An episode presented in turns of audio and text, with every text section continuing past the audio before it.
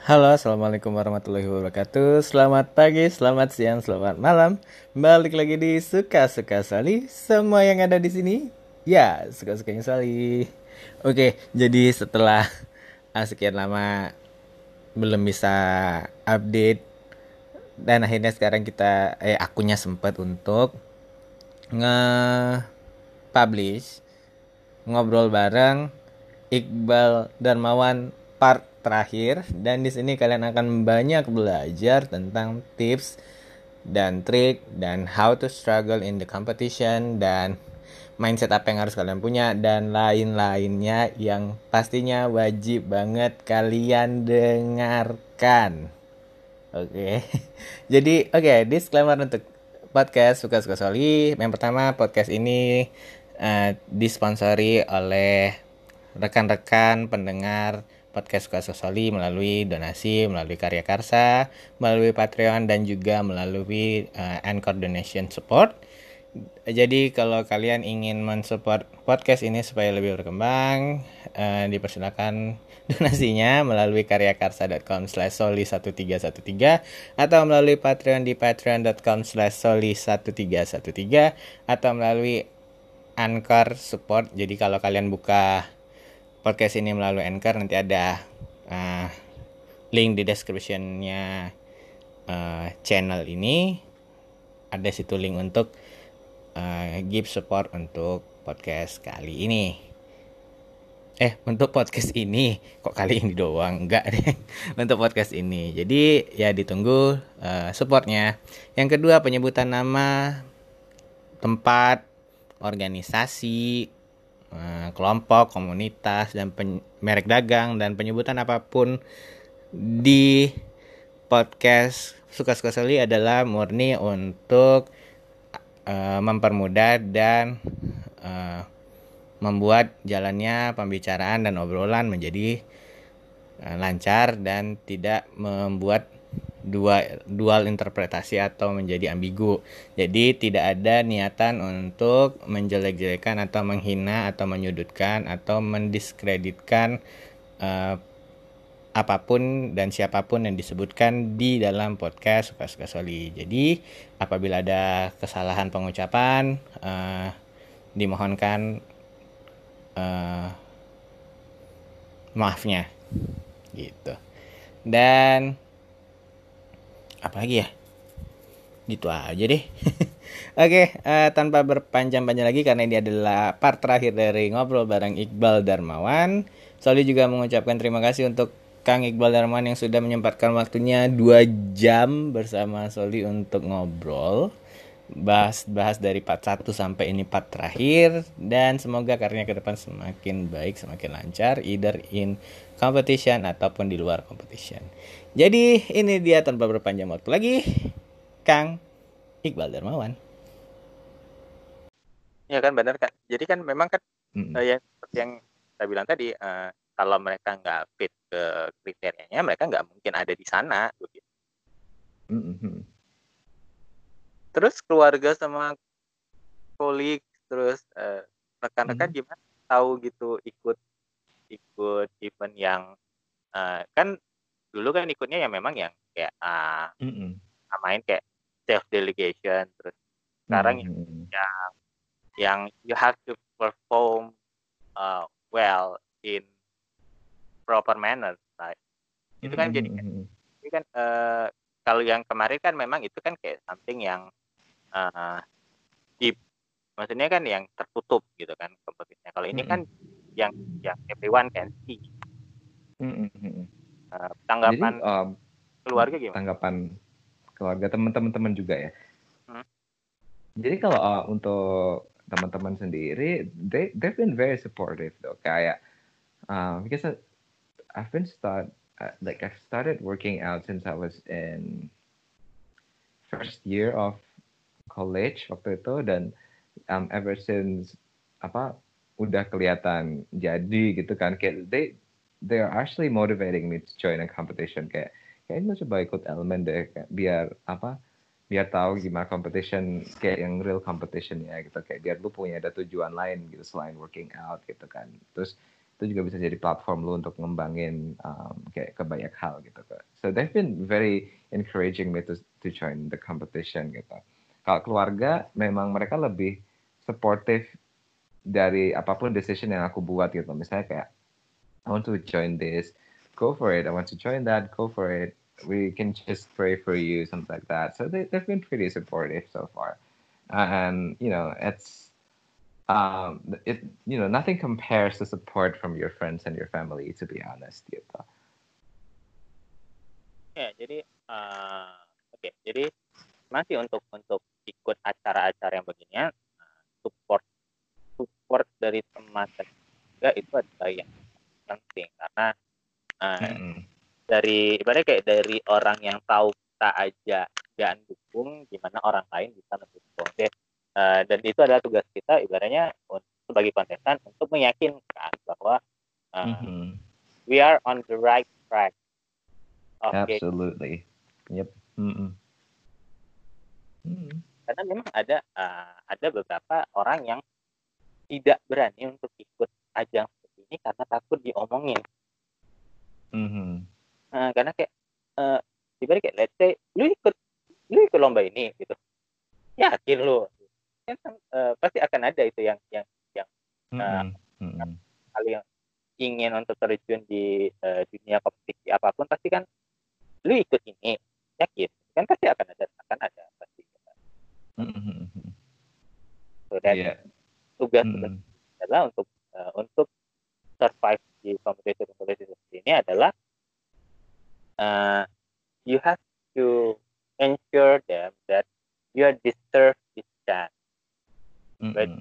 you are breaking through or not. Uh, mm -hmm. Yang paling penting bagi mereka itu sebenarnya itu uh, ketika mereka mengeluarkan pertanyaan itu yang mereka butuhkan itu sebuah jawaban yang meyakinkan meyakinkan mereka bahwa ya gue layak untuk ini kenapa enggak. Jadi sebenarnya sih uh, kalau dapat uh, itu sebenarnya pertanyaan bermata dua aku bilang. Satu untuk menjatuhkan kedua mereka itu sebenarnya care kita. Mereka tidak ingin kita hmm. Tapi aku bilang kalau misalnya kita untuk uh, how to survive this industry aku bilang uh, ya kita harus meyakinkan orang. Karena mereka mereka tidak akan bertanya kalau mereka tidak peduli. Bilang. Hmm. kalau menurutku apa ya salah satu quality yang harus lo punya gitu as um, someone who wants to join a competition is that you know you have to really know what your value are like what are what are the values that you have gitu kan. Terus juga what are the goals that you have um, as an individual gitu. Terus juga um, because by knowing your values by knowing what are the things that you want to achieve gitu kan uh, you will you know you will have um, you will have the amount of efforts to uh, to, to reach that goals gitu untuk untuk mencapai sebuah goal tersebut kayak the the the amount of efforts will be equally as hard as you know how high the the goals are gitu kan. Terus value kamu apa gitu. Knowing the values means that you know your passion. Kayak kamu passionate um, pada bidang apa, misalnya kayak education atau environment or you know uh, you know social issues atau apa pun tersebut gitu kan yang bisa misalnya nunjang jadi um, background kamu gitu lah in a competition. Terus yang terakhir, I think you really need to have a, the confidence to join the um, to join the competition gitu. Soalnya balik lagi, ketika lu nggak punya confidence gitu dari diri lu sendiri aja gitu misalnya then you will not survive in the competition gitu soalnya in the competition you will not only face the participants but you also have to face um, your friends opinion get other people's opinion outside of your circles gitu kan jadi kayak banyak banget um, apa kayak opinions opinions di luar sana gitu kalau misalnya kita udah nggak confidence dari dalam diri sendiri gitu um, akan susah gitu loh mentalnya untuk um, kompetitif uh, untuk berkompetisi di sebuah ajang gitu. So I think you really need to know um, you know what are what are your goals, what the values that you have sama you have to be confident. Mungkin itu sih yang apa ya bikin orang tuh survive in the competitions gitu. Soalnya before I actually join pageants yang kayak um, ASEAN Youth Ambassador, terus Element of the Year. I've been through a lot of different competition back then gitu yang mungkin di luar pageant ya dari situ aku ngerasa bahwa ya udah gitu loh kayak I have these values that I want to share with people that I want to show that I want to showcase in front of the judges. So I need to be confident. I I want my voice to be heard by them. Um, dan dari situ kayak apa ya aku slowly build my confidence. Aku juga apa ya kayak ngasah public speaking gitu gitu. So from that I'm ready to join you know like a much bigger pageant atau kayak bigger platform yang bisa um, apa ya saya ngebuktiin bahwa okay I've been through a lot I've been working hard for this and this is the moment for me to shine gitu.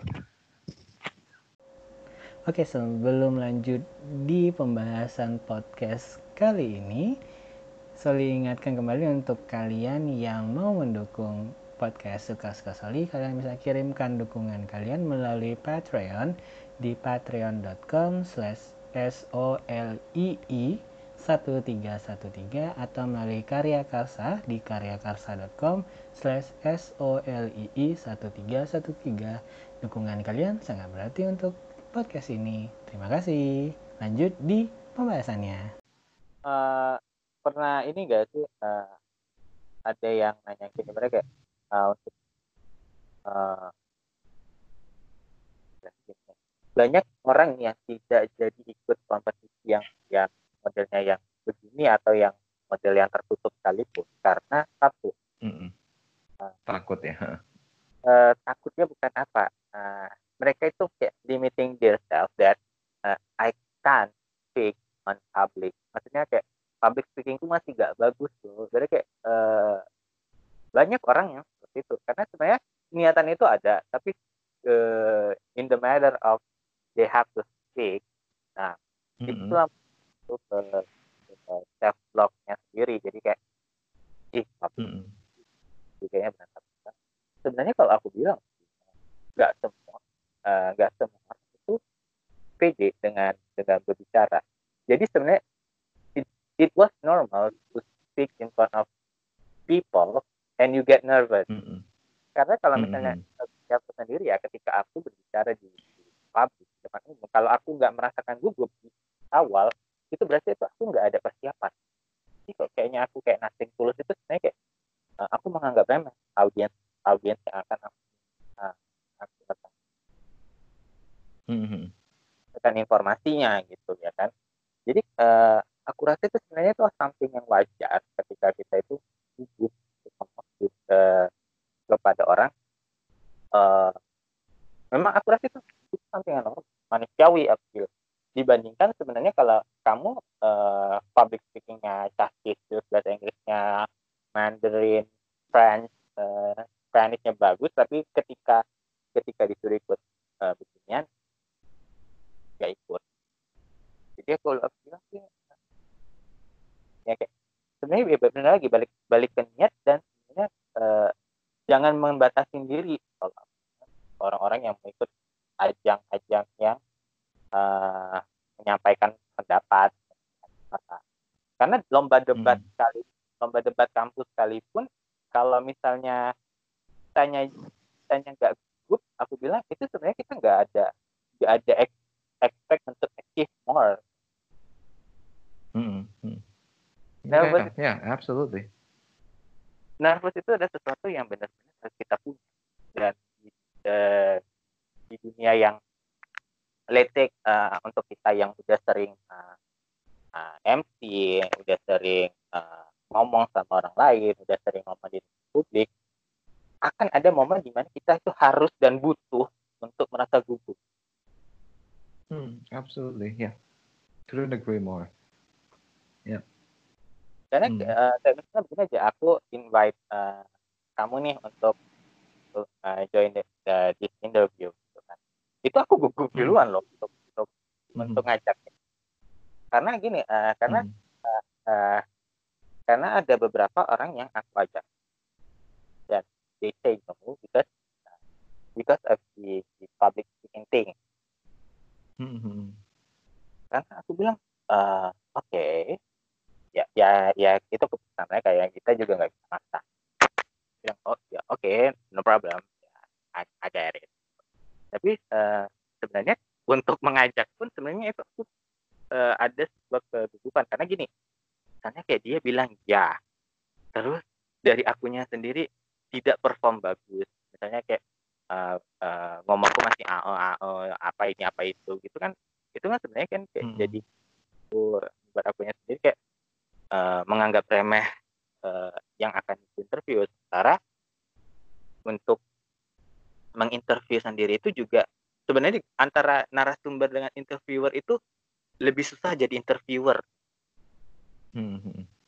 Karena uh, udah ikut ini enggak sih? Udah selesai interview bareng panitia enggak sih? Yang live belum. bareng. Oh, belum, kapan belum. Uh, I'll be I'll be live on 25th. 25th, uh, one day before Ari. Uh, after dong. Ari, I think Ari is gonna be on 22nd. 20 Ari 26. Hah? Eh, 25 itu bukannya lebaran ya? Uh, no, 25 itu udah hari H plus 3 apa ya?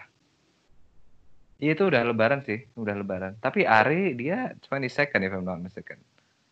Kalau di jadwal dia 22, nah habis itu ada break 3 hari gitu kan. Uh, 23, 24. Kita eh, besok. ya 25 baru ada. Hmm. Hari besok. Oke, lupa. Hmm, besok hari. Aku 25. Karena sebenarnya uh, untuk uh, aku nggak tahu ya mungkin ada salah satu strategi dari para finalis untuk uh, mereka diundang diundang banyak mm -hmm. untuk mereka diundang banyak web webinar atau uh, web aku nggak suka sih dengan istilah webinar karena lebih enaknya itu kayak online seminar aku bilang mm -hmm. uh, karena supaya itu uh, bagus untuk mengasah kemampuan mereka berbicara di depan di depan umum walaupun mereka mm -hmm. tidak langsung tampil di depan di depan pasang mata yang harus mereka mereka ajakin mereka eh, mereka akan berikan mm -hmm itu uh, aku bilang itu adalah strategi yang bagus untuk mengasah kemampuan berbicara. Tapi sebenarnya mm -hmm. Kalau menjadi host itu sebenarnya lebih susah daripada jadi narasumber. Dan menurutku kalau jadi host itu apa ya dia akhirnya jadi nggak bicara banyak gitu loh. Jadi uh, lebih banyak kita dengerin narasumber kan. Jadi kayak kita throwing questions terus mungkin kayak link apa nge-elaborate uh, apa ya kayak pernyataan dari narasumbernya sendiri gitu. I think better itu ketika kita apa ya kayak nerima ajakan untuk live bareng gitu akan lebih bagus iya. gitu kan. Soalnya kayak kita uh, just akan lebih uh, kayak dikasih berbagai macam pertanyaan dan kita mencoba menjawab itu ya instead of kita hosting dan akhirnya kita malah throwing question ya gitu loh bukan ngejawab pertanyaan gitu. Iya, dan aku bilang kalau memang kita mau mau melatih public speaking itu sebenarnya lebih, lebih memang memang fokus untuk melatih public speaking better kita hmm. jadi narasumber karena kan uh, karena kan kita yang dikenai pertanyaan tapi kalau memang kita mau berlatih untuk uh, uh, think uh, apa ya uh, apa sih aku aku lupa hmm. istilahnya apa pokoknya kita untuk melatih pola hmm. pikir kita supaya uh, critical supaya, thinking critical thinking itu harusnya kita yang hmm. jadi host. Nah, jadi sebenarnya balik lagi tujuan kita itu mau memperbaiki yang mana gitu. Misalnya kayak hmm. kalau kamu jadi critical thinking, undang banyak-banyaknya orang. Uh, karena aku memang uh, karena aku sendiri memang kalau di assess psikologi apa pun uh, critical thinking aku tuh kurang banget menurut menurut para asesor psikologi. Mm -hmm. Itu lebih lebih lebih ke lebih ke uh, narasum apa lebih ke narasumber daripada daripada host makanya aku buat sesi interview interview di, di podcast aku supaya itu aku melatih kemampuan aku untuk berpikir kritis tapi kalau misalnya hmm. memang kita uh, kontestan itu memang pengen untuk untuk melatih public speaking dan mereka merasa mereka kurang di public speaking aku rasa hmm. untuk uh, gabung di acara-acara atau di web seminar-seminar itu ini bagus hmm, karena kan benar. Dari panitia juga nggak melarang kan untuk ikut ikut webinar Enggak sama sekali malah mungkin justru mereka ngelihat keaktifan kita gitu mungkin ya jadi dari um, dari sana gitu kan tapi itu juga nggak jadi penilaian juga sih sebenarnya uh, Iya. untuk memang pasti kan tidak tidak Mm. akan jadi juri cuma kan Mm, mm, mm. untuk uh, improving uh, diri sendiri itu kan bagus ya dari- itu lebih ke personal development gitu. Iya, Diba- benar. dibandingkan eh, dibandingkan kita eh, nggak tahu ya aku ini menurut pendapat pribadi ketika kamu ikut eh, ikut kompetisi yang yang melibatkan brain and behavior kayaknya Mhm. eh, ngam- ngambil eh, spot untuk kayak perbanyak photoshoot itu kayaknya aku rasa itu eh, something yang harus dikurangi Apa? Eh, sorry sorry gimana? Eh, untuk untuk orang ikut yang yang kompetisi yang mengutamakan brain and behavior Mm-mm. kayaknya kalau misalnya eh, posting foto di sosial media yang gak ada juntrungan dan tujuannya itu kayaknya nggak kayaknya harusnya di dikurangin malah harusnya kita ikut-ikut kegiatan yang menunjang eh, kita di kompetisi kayak Mm-mm. ya, ya ikut ikut seminar ikut interview jadi jadi narasumber jadi jadi minta tamu atau apa pun dibandingkan kita kayak Mm-mm. posting lagi jalan-jalan kayak kecuali kalau memang dia fokusnya adalah influencer uh, traveling itu kalau Mm-mm. ya memang dia base nya ada influencer traveling that was her, her or his job memang memang itu Mm-mm. pekerjaan Nah, kalau misalnya kayak uh, menampilkan sesuatu yang yang tidak ada relate hubungannya ke personal improvement mending jangan Mm-mm. Kalau menurut aku pribadi ya untuk orang-orang Mm-mm. yang berkompetisi di di acara apa pun yang mengutamakan brain dan behavior. Mm-mm. Mm, benar-benar. Hmm, Karena Nah, ada lebih Hmm. ada beberapa yang menurut eh, nggak tahu ya menurut penilaianku dari 50 finalis ini ada beberapa yang eh, aku eh, nggak dapet feel-nya untuk ngajak ngajak Hmm. Sama aku coba lihat background dia apa. Nggak ada yang membuat aku tertarik pribadi aku tertarik oke kita coba lihat Closing. Mm-mm. has he done, what has he achieved, Mhm.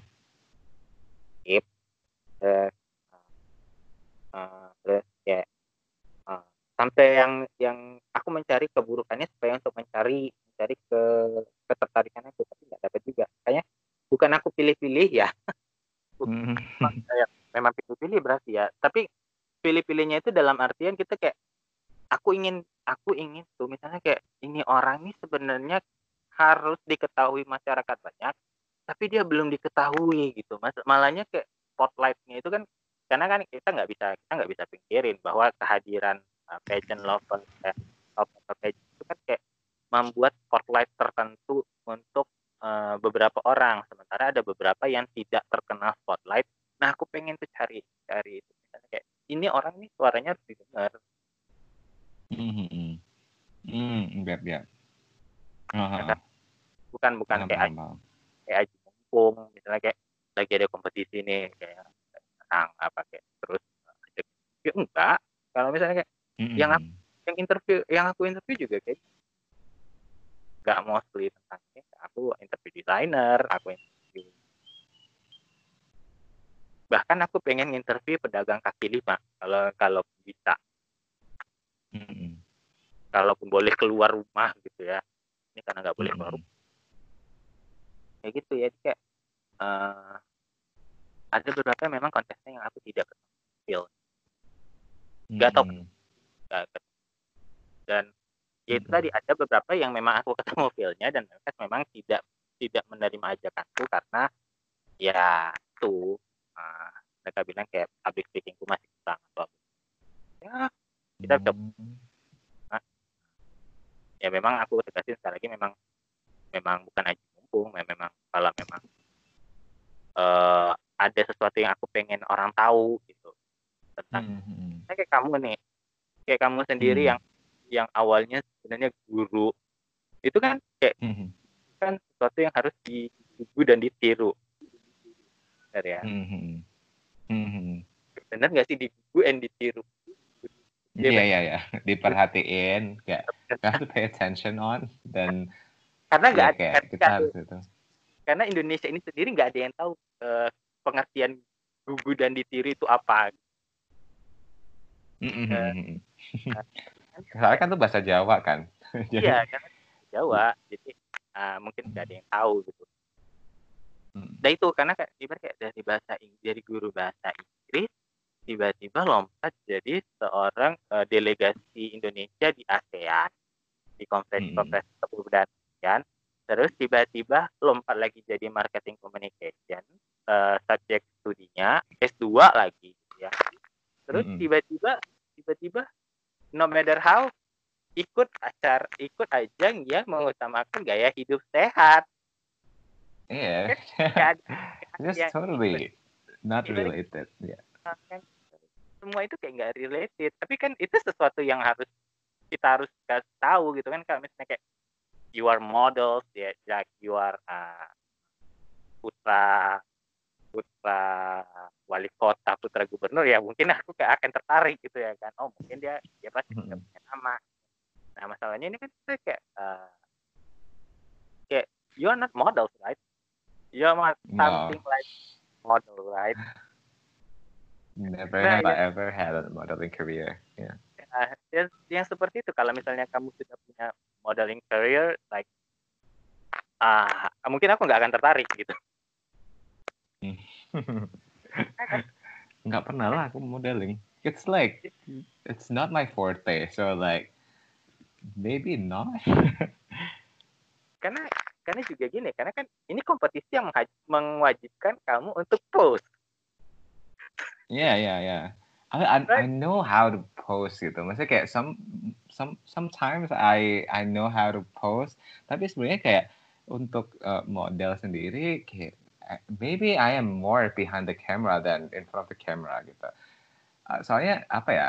Aku juga punya usaha fotografi gitu loh yang istilahnya lebih ke arah um, wedding, pre-wedding gitu-gitu. Jadi most of the time I'm actually behind the camera instead of kayak the one in front of the camera tapi kayak juga kadang aku uh, menikmati juga gitu loh difotoin sama orang gitu so it's kind of like it's a balance thing between modeling and photographer gitu iya kan kan untuk ajang yang yang uh, perbandingannya perbedaannya yang yang sangat signifikan adalah uh, kalau untuk ajang yang kayak uh, semacam Mister apa ya kok Mister Asian Youth Ambassador itu kan uh, there is no such thing like catwalking, posing, mm-hmm.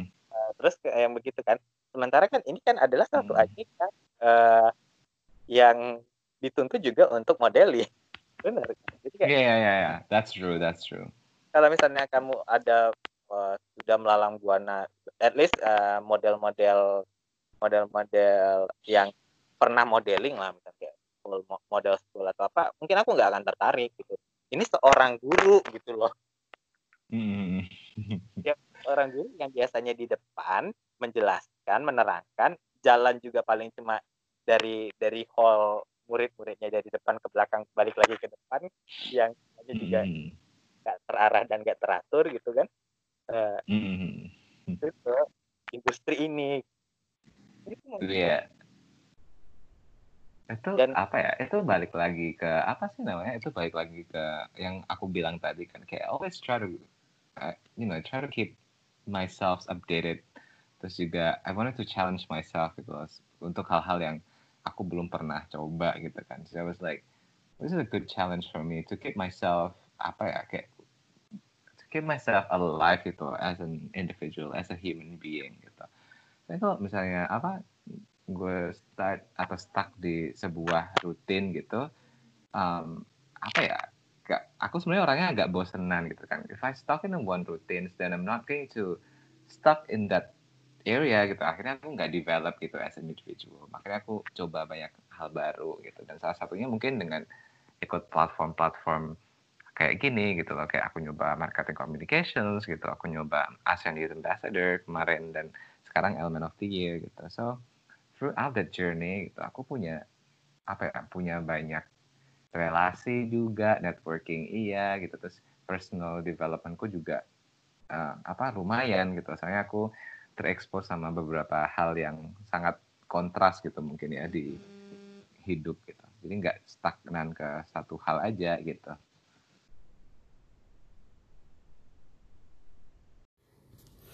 Oke, iklan lagi nih.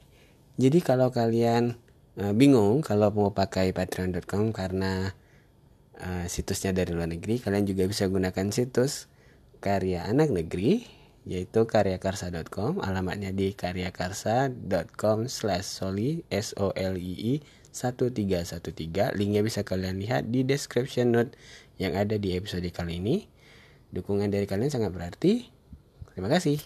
Iya benar. Uh, ya gitu. Jadi kayak uh, something yang, mm -hmm. yang harus tahu gitu dan harus semua orang tahu. Hmm. yeah that's yeah. true. dan anehnya tahun ini ada beberapa fotografer loh yang yang yang masuk aku nggak tahu kenapa. Oh ya ya uh, ada deh beberapa yang yang ada basic fotografi dan well uh, kalau misalnya untuk fotografer yang masuk maksudnya as in sebagai kontestan gitu ya? Iya iya. Uh, oh. Oh iya sebenarnya kayak mostly mereka nggak menonjolkan gitu maksudnya kalau mereka tuh se seorang fotografer kayak lebih ke nah, mungkin mereka bukan. lebih nonjolinnya ke arah apa kayak background mereka yang lain gitu iya mungkin mereka mereka ambil yang background yang lain cuma aku tahu oke okay. uh, oke okay, ya recording uh, hmm. iya jadi aku lihat ada beberapa uh, yang bukan tesnya yang punya basic fotografi mungkin mereka tidak menyebutkan diri mereka itu fotografer cuma aku yakin mereka they have photography things in their self. Mm-hmm. Dan nggak tahu sih, uh, enggak sih dengan kayak ibaratnya the people behind the lens is taboo in front of the camera. Karena aku salah satu mm-hmm. orang nggak tahu ya, lebih memang akan uh, aku ngefoto orang itu uh, memang aku spesifik ke yang body contest dan yang pria protot gitu ya cuma mm-hmm. uh, gak tahu kenapa kayaknya sih untuk aku di depan kamera walaupun aku rasa udah bener aku ngepost diri sendiri kayaknya salah aja gitu nggak tahu kenapa. Jadi kayak aku hmm. diri gitu. Ya udah deh aku kayaknya memang ditakdirkan untuk di belakang lensa only. Hmm. makanya ada Jadi ada, emang, iya. ada beberapa gitu ada yang beberapa yang masuk dan aku tahu dia punya latar belakang fotografi oh oke okay. aku bilang ah, uh, sesuatu yang menarik jadi kan biasanya mereka yang mendirect mendirect orang untuk post atau mengambil gambar sekarang mereka yang akan diambil mm-hmm. bagus sih aku bilang ya mungkin mereka equally apa nyaman gitu di depan sama di belakang kamera juga mungkin juga sih. Uh -uh. karena untuk aku sih kalau aku mending aku disuruh MC tujuh hari tujuh malam atau disuruh ngepodcast tujuh hari tujuh malam dibandingkan aku harus uh, closing di depan kamera. Apa ya? Apa itu kayak comfort zone-nya masing-masing sih menurutku. Iya. Yeah, it's, it's fine.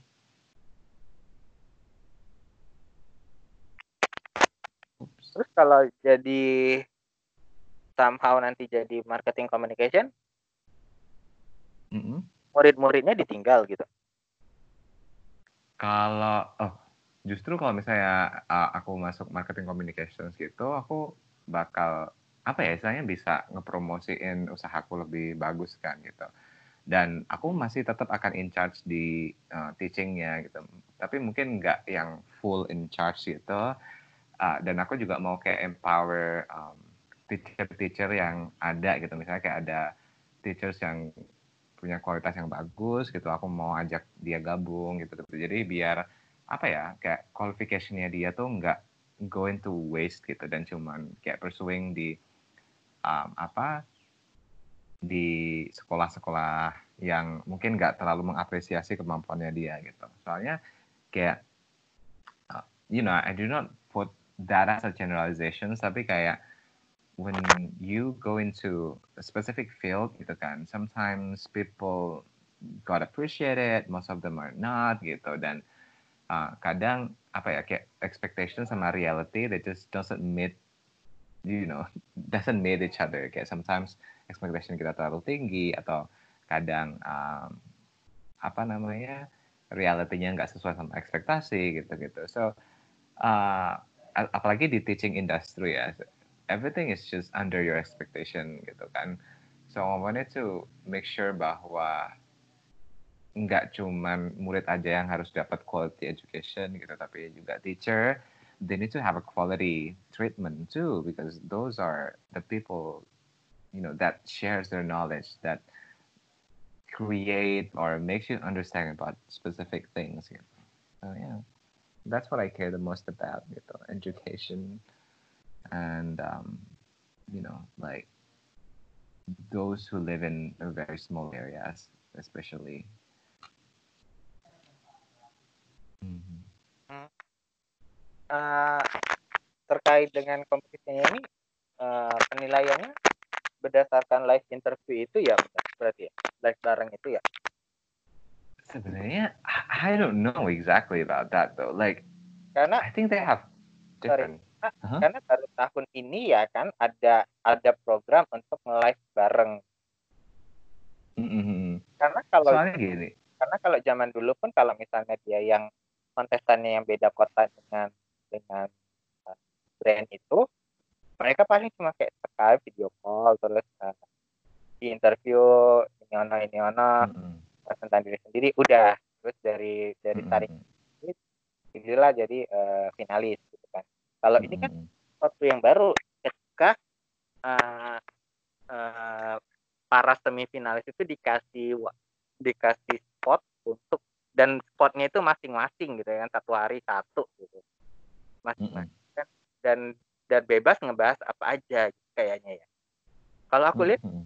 kayak uh, aku sempat sekilas sekilas lihat beberapa uh, beberapa yang live kayaknya kayak uh, mm -hmm. ada nggak ada satu benang merah pun di antara uh, ngob ngobrol barengnya satu kontestan dengan kontestan yang lain jadi kayaknya memang kayak uh, ya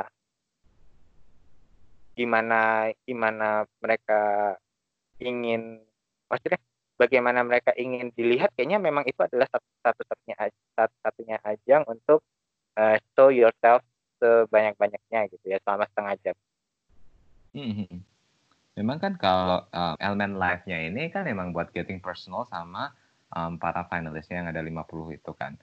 Jadi gini, uh, awalnya itu memang waktu audition uh, itu mereka mau itu mereka bilangnya gini, uh, we're going to announce this itu maksimal Mei akhir gitu mereka bilangnya kan. Terus um, at the end mungkin juga gara-gara coronavirus kan, jadi akhirnya mungkin agak diundur sedikit nanti jatuhnya gitu.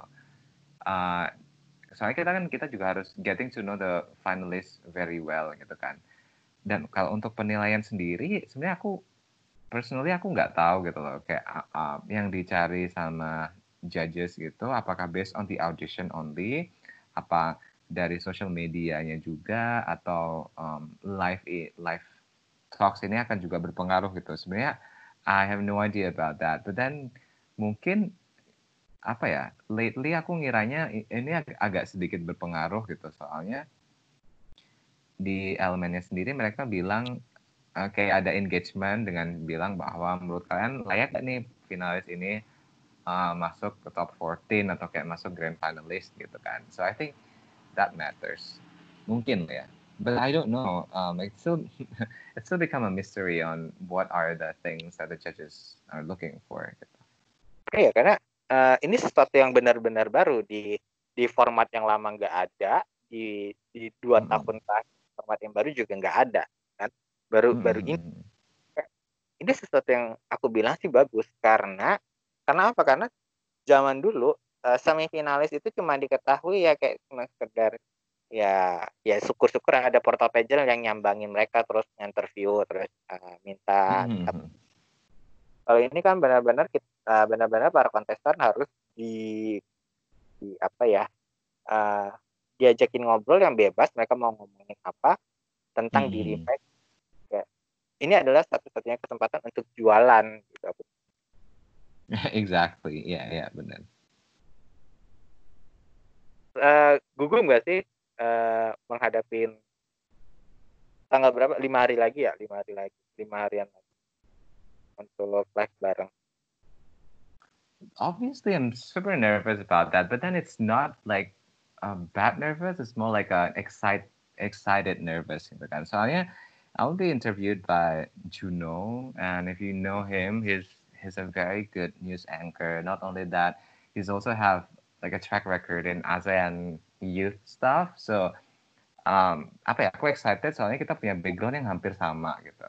Dan dia juga uh, uh, punya background as a debaters juga. Hah? Wait uh, aku nggak tahu ya. Mungkin uh, aku nggak tahu uh, benar apa enggak tapi seingatku uh, Juno itu adalah salah satu alumni dari Asian Youth. Benar nggak sih? Tapi aku nggak hmm, tahu benar dia, benar dia benar alumni ya? Ah benar. Jadi tapi alumni bukan ya? alumni pageant bukan alumni pageantku itu cuman dia alumni um, conference-nya gitu waktu itu. Iya, uh, dia pernah ikut conference-nya, tapi aku nggak tahu dia delegasi atau bukan. Dia delegasi pernah, waktu itu. Dia delegasi ya berarti ya. Mm-hmm. Oh oke. Okay. Jadi aku excitednya ya kita punya background yang mirip gitu loh um, di ASEAN stuff gitu kan. Terus dia juga um, a debaters also, which is also very related to my life back then as a, as a debater gitu kan. So it's like oh, like we've got the same background, which is going to be very exciting for me.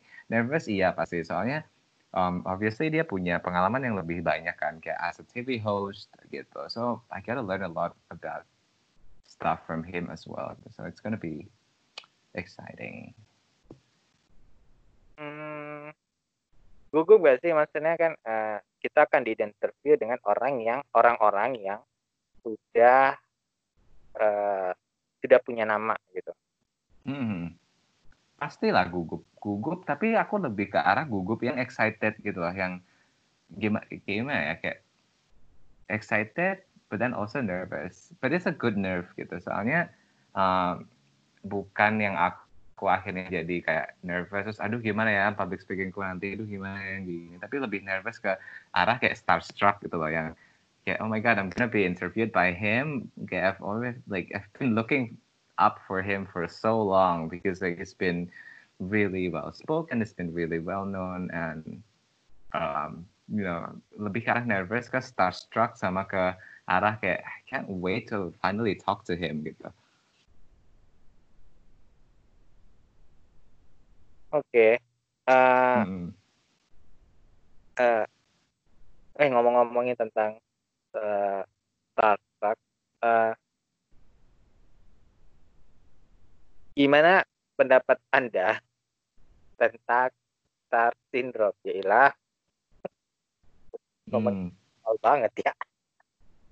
Star Syndrome kayak oh I oh I ya yeah, I understand. Jadi kayak jadi kan um, uh.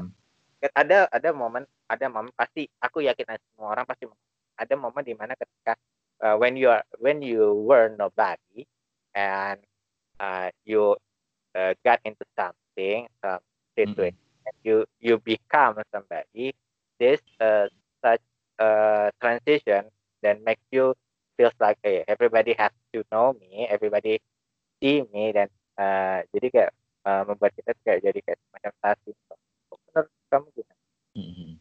Dan itu aku yakin nggak ketika ada orang yang bilang aku nggak terkena stress syndrome itu that of uh, that is something as fat as big liars mm-hmm. karena enggak uh, yeah, yeah. karena memang itu stress syndrome itu aku bilang itu memang manusiawi cuma kalau misalnya kita dibilang aku nggak kena stress syndrome itu itu yang mm-hmm. well yeah yeah yeah just don't believe on people who who say that gitu. I think everyone everyone experience star syndrome gitu. Especially ketika um, misalnya kayak kita baru menang sesuatu gitu. Atau ketika kita baru kayak dapat achievement sesuatu gitu loh. Soalnya kan um, obviously dapat acknowledgement kan dari uh, masyarakat yang lebih luas gitu kan. Dapat juga uh, acknowledgement dari teman-teman gitu. Dari orang-orang yang bahkan nggak kenal kita sebelumnya. Jadi star syndrome pasti akan muncul gitu. Tapi balik lagi ke um, individu masing-masing gitu. Okay, how are they going to handle that gitu kan? Soalnya when it comes to star syndrome, I think it it, it actually um, apa ya related sama personality dia gitu loh. sama goals dia untuk ikut sebuah ajang itu sebenarnya apa sih gitu. Jadi kalau misalnya di awal emang goals dia mau cari fame, dia mau cari um, followers, dia mau cari nama gitu. And I think star syndrome will definitely hit him hard gitu. Kayak dia bakal kena star syndrome yang parah gitu loh. Tapi kalau baik ketika dia emang tujuan ikutnya memang kayak untuk hal-hal positif kayak mau inspiring people atau kayak mau um, voicing out their voices gitu atau kayak mau cari platform buat um, untuk mewadahi um, gagasan-gagasan dia, I think star syndrome will be there, but then it's not gonna be that hard gitu hitting on him. Jadi dia akan tetap menjadi pribadi dia yang um, um, sebenarnya gitu dan lebih ke arah gimana dia akan memposisikan dirinya di masyarakat gitu loh. Because as an influencer, obviously uh, kita harus apa ya pertama influencer itu memang dia harus inspiration ya inspirational. Jadi dia jadi inspirasi dari orang lain. Yang kedua dia harus jadi orang yang relatable gitu. Relatable as in kayak lifestyle-nya dia itu relatable sama masyarakat secara umum gitu loh. Dan dia nggak punya eksklusivitas terhadap dirinya sendiri gitu. Dan menurutku yang terakhir itu adalah um, seorang influencer atau seorang public figure gitu emang harus dia approachable gitu loh. Approachable as in kita tuh mau apa ya kita tuh bisa punya rasa yang enak gitu loh.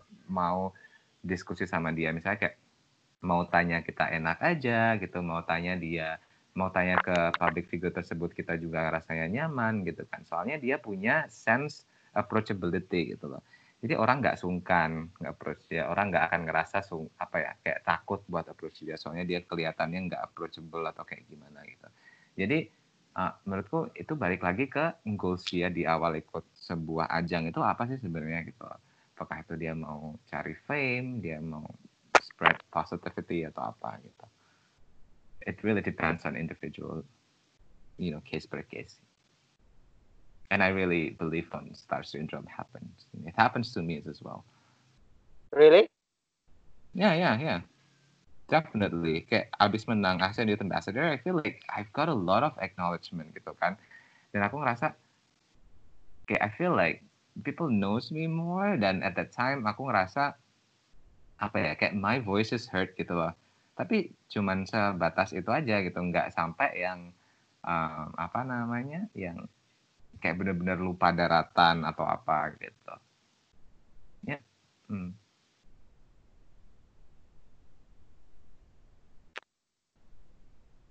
Oke.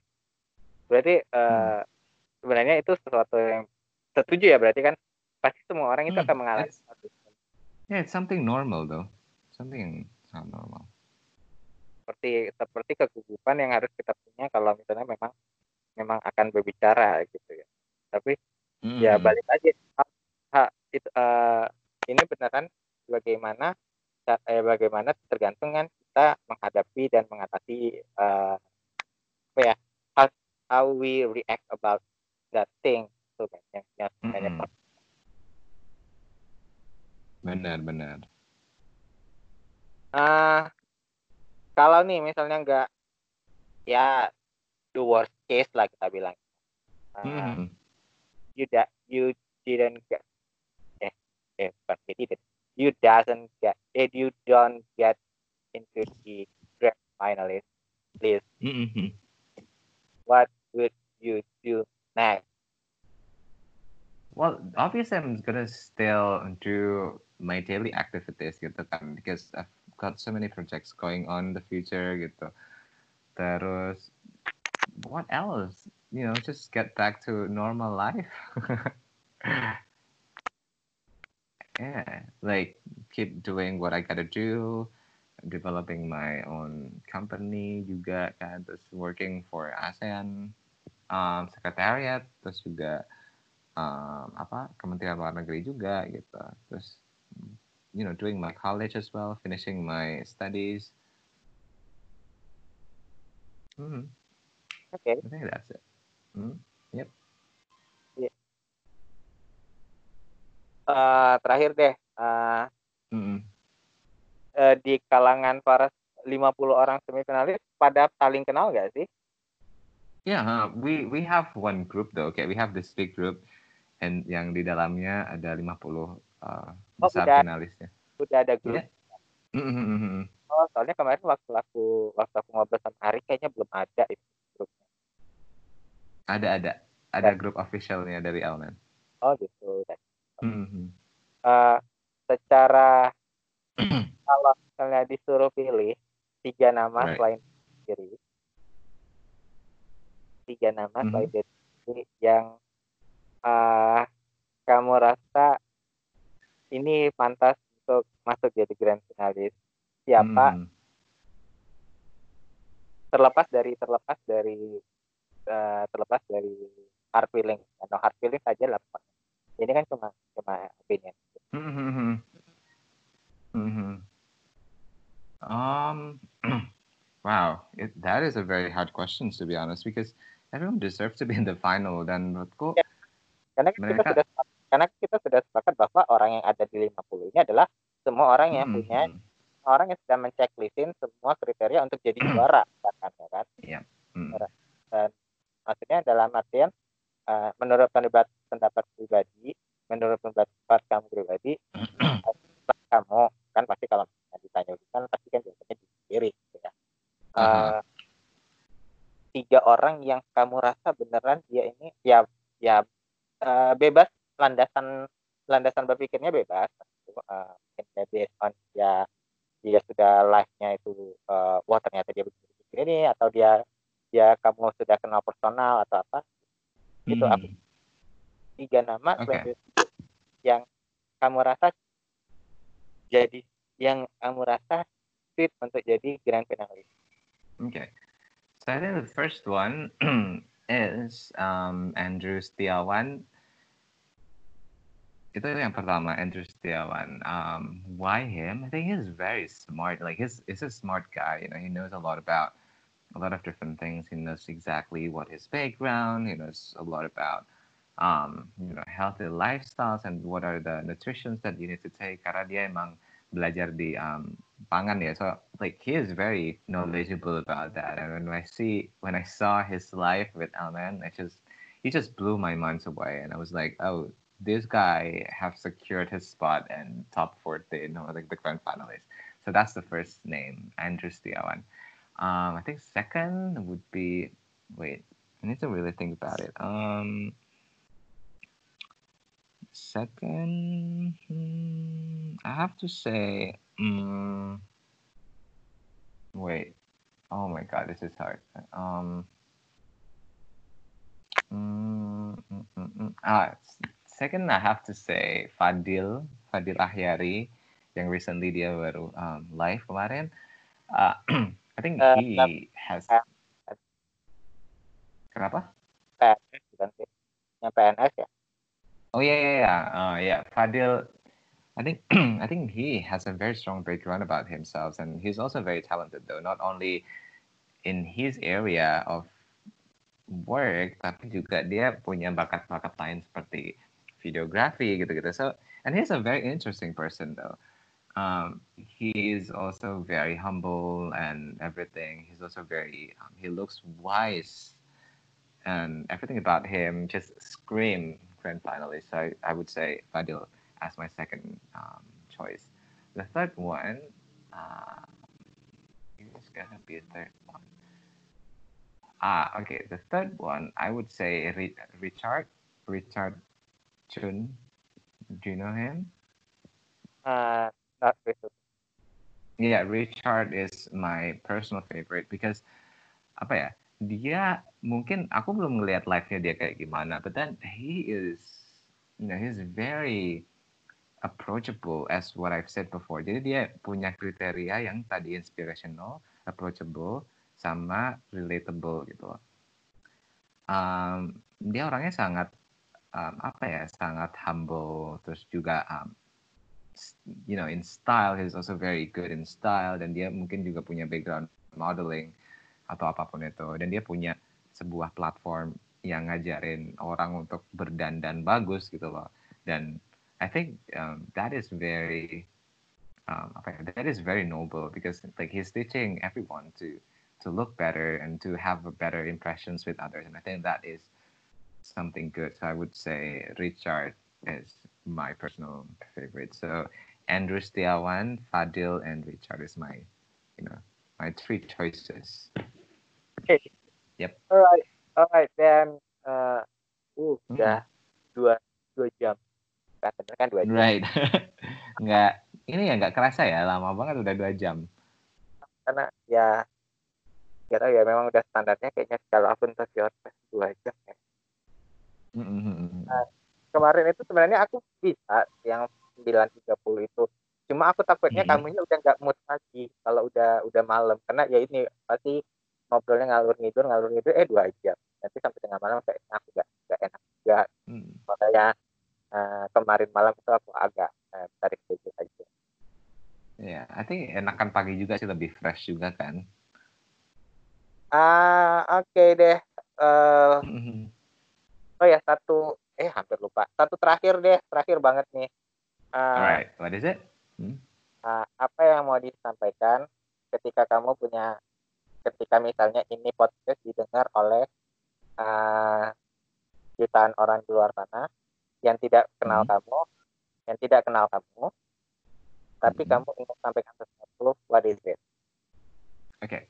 So I think um, for all the listeners of this podcast, I want you to really believe in yourself gitu. Maksudnya aku pengen kalian semua tuh percaya akan value yang kalian punya gitu dan stick to what you are passionate about gitu. No matter what that is gitu. Be it in um, environmental, be it, be it in social cases, between you know, be it in any other concerns that you really focus on, you know, stick to it and apa ya contribute back to societies gitu no matter what soalnya um, generasi muda gitu atau siapa pun itu yang mau contribute back to the societies you have already helped our countries to develop gitu. Dan kalau bukan kita who else? So you know just believe in yourself stick to your passions and your values. Dan yang terakhir I want you to really really you know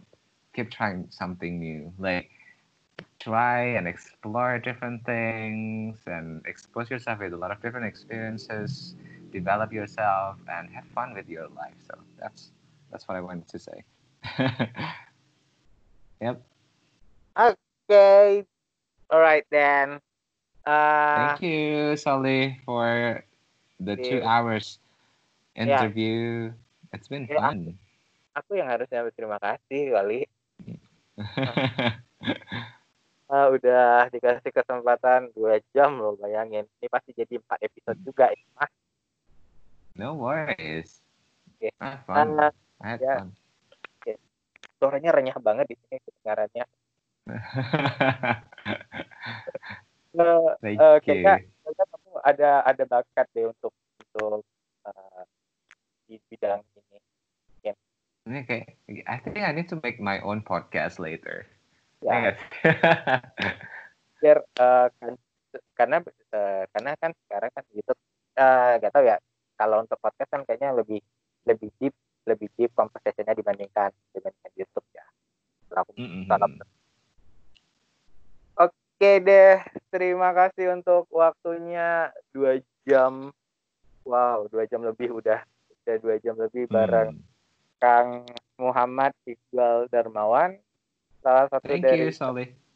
50 besar eh The New Element of the Year 2020. Eh kapan nih itunya live-nya tadi? Lupa. Tanggal 25 Mei. 25 Mei itu eh, after after lebaran dan jam 8 malam Iya. bener? Jam 8 malam deh kayaknya masih sama. Mungkin lebih maju sedikit dari yang biasanya. Oke, nanti nanti ditunggu aja di flyernya di at Iqbal Darmawan bener ya? Aku Mm. lupa ya. Dari Darmawan Darmawan.iqbal. Darmawan at darmawan.iqbal. Jadi kalian ladies and ladies, not gentlemen. Mhm. Jadi sambangin aja eh, kalau mau tahu tentang tentang dia lebih lanjut bisa kalian cek di at darmawan dengan Q atau dengan Q Mhm. di darmawan IQ. di darmawan Iqbal di Instagram dan jangan lupa dengerin dan saksikan live barangnya barang merek susu itu di bagian Oke, atur nuhun Kang, udah dikasih kesempatan nih. Sama-sama Soli, thank you so much for your time as well. It's been an honor. Have a great day, man. Nah, oke okay, dari sesuatu tempat di Sumatera Utara ini dan suatu tempat di Jakarta sana, saya Soli dan uh, Kang uh, Iqbal Muhammad Iqbal Darmawan pamit. Bye. Bye. Bye.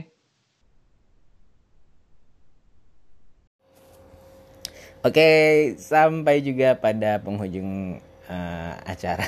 ya acara. Penghujung podcast episode kali ini. Ya, sekali lagi saya mengucapkan terima kasih pada Kang Iqbal Darmawan yang sudah meluangkan waktunya berpanjang lebar ngobrol bareng Soli membagikan inspirasi yang sangat sangat sangat berguna bagi kalian dan bagi aku juga tentunya. Dan kalau kalian ingin lebih tahu lebih lanjut uh, dengan Kang Iqbal Darmawan kalian bisa ngunjungin ke Instagramnya. Nanti linknya bisa kalian lihat di show notes di episode kali ini.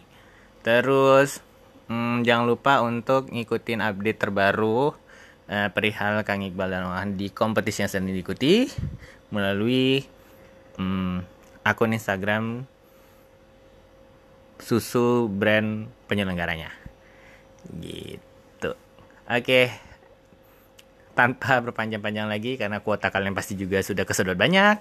Saya Soli pamit. Halo, terima kasih sudah mendengarkan Suka-Suka Soli. Suka-Suka Soli sudah ada di Anchor FM, Penyu FM, Cashbox, Spotify, Google Podcast, Apple Podcast, dan aplikasi-aplikasi podcast pilihan kalian. Linknya bisa kalian lihat di link tr.ii slash soli s o l i i underscore solihin s o l i h i n. Atau kalian bisa lihat di show notes di episode kali ini. Dan bagi kalian yang punya kelebihan dana atau juga mau kasih tip untuk ya nambah-nambahin semangat aku untuk buat podcast kalian bisa kirimkan dukungan kalian melalui Patreon di patreon.com slash Soli S O L I I 1313 atau di Karya Karsa di karyakarsa.com slash soli s o l i i 1313 dan bisa kalian lihat juga di show notes di episode kali ini. Terima kasih.